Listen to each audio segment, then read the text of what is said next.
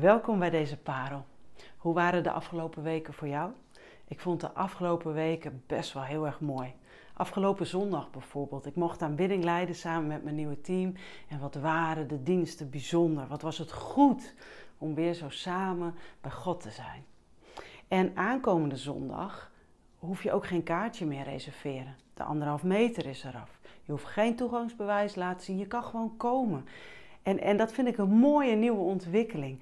We zijn echt weer een nieuw seizoen ingegaan, samen met elkaar. En ik zie er enorm naar uit wat God de komende tijd gaat doen.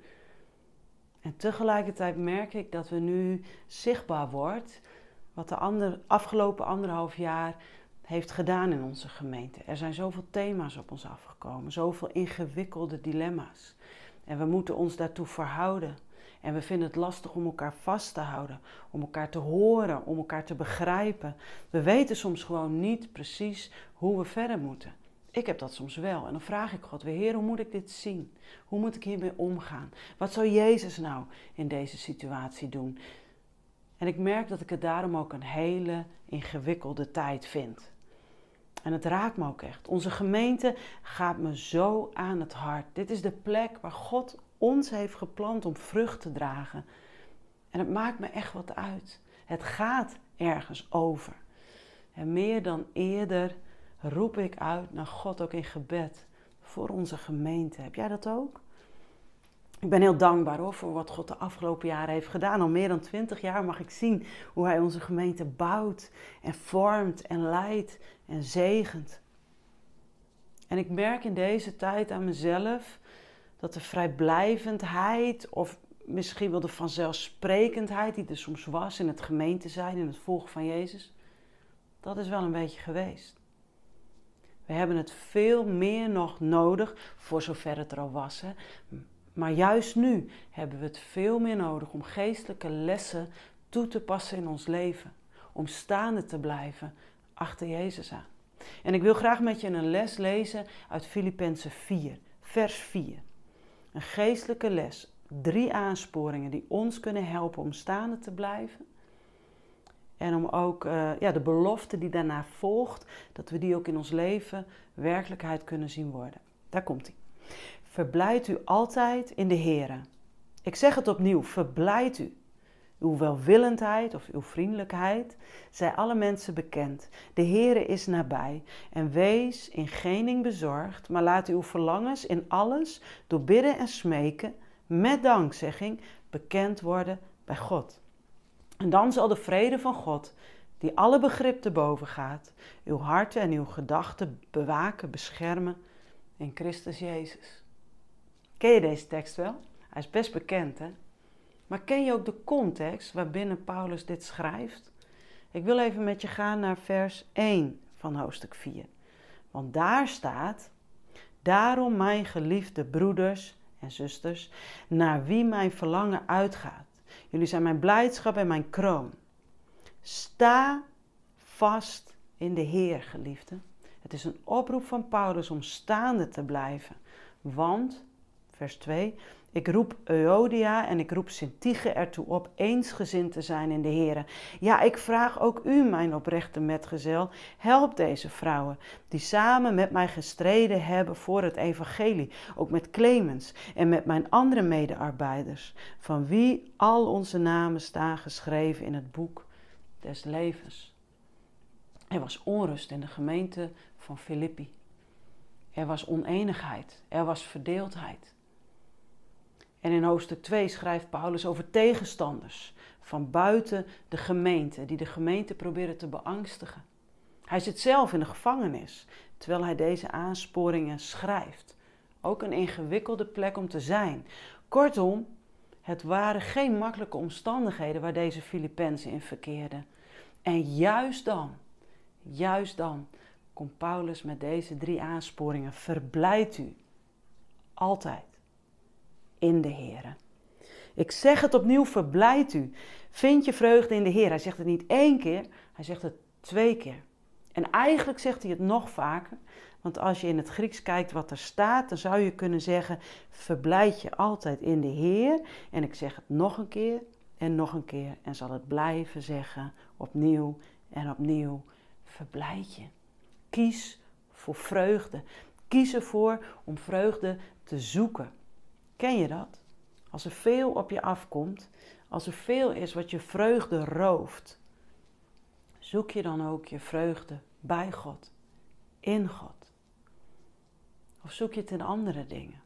God zelf wil de bron van onze vreugde zijn. En Hij kan dat als geen ander, want God weet dat wij Zijn vreugde over wie Hij is nodig hebben. Het is een vreugde die niet komt vanuit mensen onderling. Het is een vreugde die boven omstandigheden uitgaat, want God gaat boven omstandigheden uit.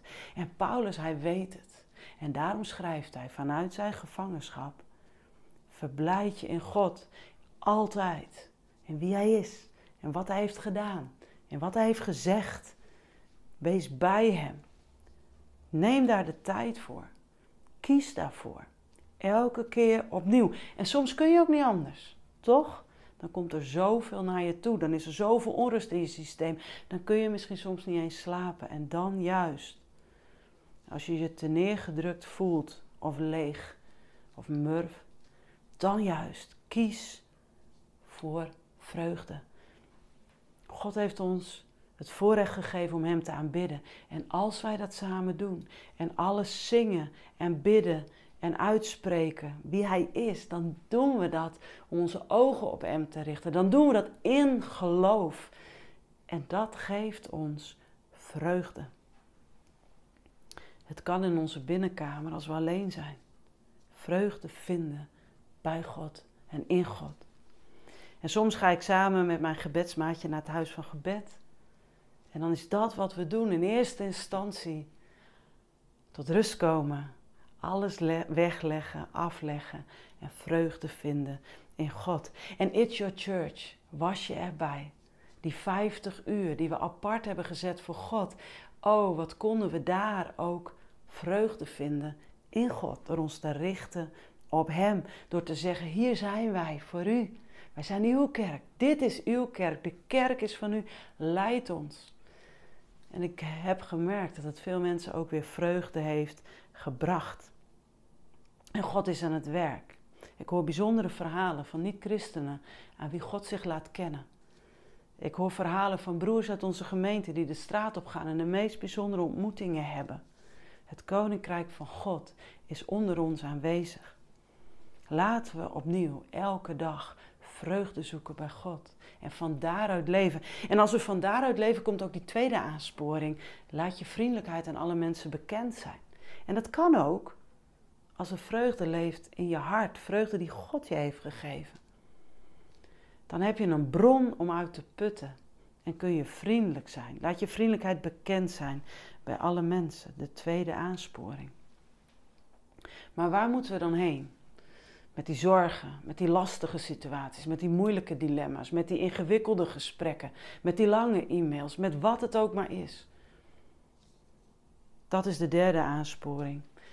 Zorgen, angst, pijn, het kan in de weg staan van het zien wie God is. Het kan ook je vriendelijkheid belemmeren. En Paulus zegt: ga mee naar God toe. Stort je hart voor hem uit. Vertel je verlangens. Vertel wat je nodig hebt. Geef daar je zorgen aan hem. Dus niet in eerste instantie aan andere mensen, in eerste instantie bij God.